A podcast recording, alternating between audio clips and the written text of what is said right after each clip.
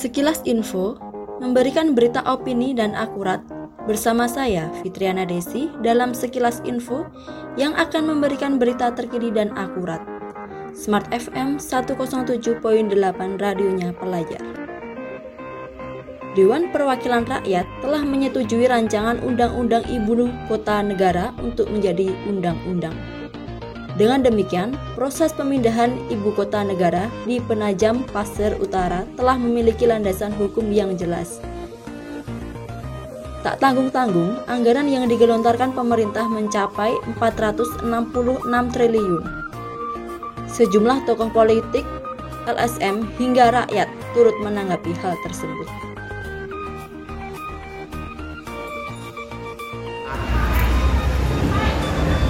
Ye, terkait dengan pemindahan ibu kota di Kalimantan. Pada dasarnya kita sebagai rakyat itu ibu kota mau dipindah di mana pun saja itu bagi kami kita setuju-setuju saja. Tapi yang paling penting adalah persiapan pemindahan ibu kota itulah yang harus dipikirkan. Karena apa? Karena pemindahan ibu kota itu tidak sederhana. Karena itu meliputi uh, memindah berbagai kementerian, ya karena ini memindah ibu kota berarti juga memindah kantor kementerian seluruh Indonesia. Satu. Yang kedua, lalu juga uh, memindah uh, apa namanya itu kecamatan sampai tingkat kelurahan. Ya. Sehingga ini bukan pekerjaan yang mudah. Oleh karena itu pemindahan ibu kota ini bagi saya sebagai rakyat uh, setuju saja. Tetapi yang paling penting adalah kesiapan pemerintah itu harus betul-betul dipersiapkan matang-matang. Saya pikir uh, saya itu termasuk salah satu yang kontra, sangat-sangat tidak setuju terhadap pemindahan IKN. Yeah.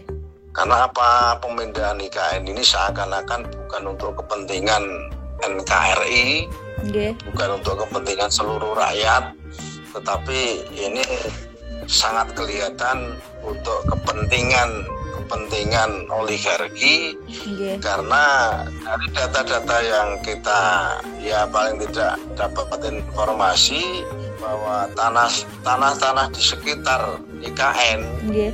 di sana itu itu milik para pengusaha mm, yeah. satu itu kemudian bahwa uh, alasan untuk pemindahan ibu kota itu kan untuk menggerakkan roda ekonomi yeah salah satu di antaranya loh dengan pemindahan itu apakah bukan sebaliknya menjadi hancur yeah.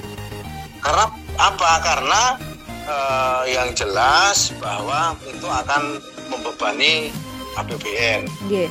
satu kemudian yang kedua uh, tidak ada visibility studinya yeah. itu juga awur-awuran sama sekali apalagi yang lebih menyedihkan kalau ini benar bahwa kan ada klaim dari uh, kerajaan Kutai yeah. bahwa itu tanah milik mereka lah kok bisa pemerintah mengambil alih seenaknya sendiri mm-hmm. mengatakan bahwa itu tanah negara tidak bisa semacam itu ini loh dan yang ini jangka panjangnya sangat ngeri. Yeah. Siapa akan menempati di sana? Memang ASN mau dipindah ke sana semua. Memang mau. Rumah-rumah siapa yang mikirin? Utangnya aja berjibun. Malah yeah. mikirin IKN lagi. Mm -hmm.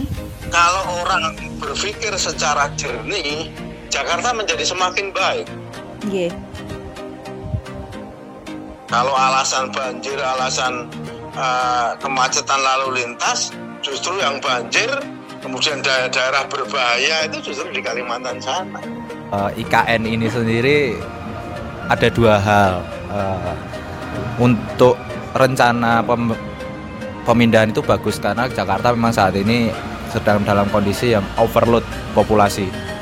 Terus tapi untuk urgensinya saya rasa dengan melihat keadaan ekonomi saat ini perlu dipikirkan kembali apalagi dengan biaya sebesar sekitar 600 triliun itu terlalu membebani anggaran negara.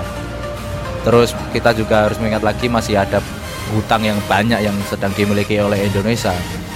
Sehingga ditakutkan nanti akan uh, membebani masyarakat karena beban pajak yang akan dibebankan nanti ke depannya.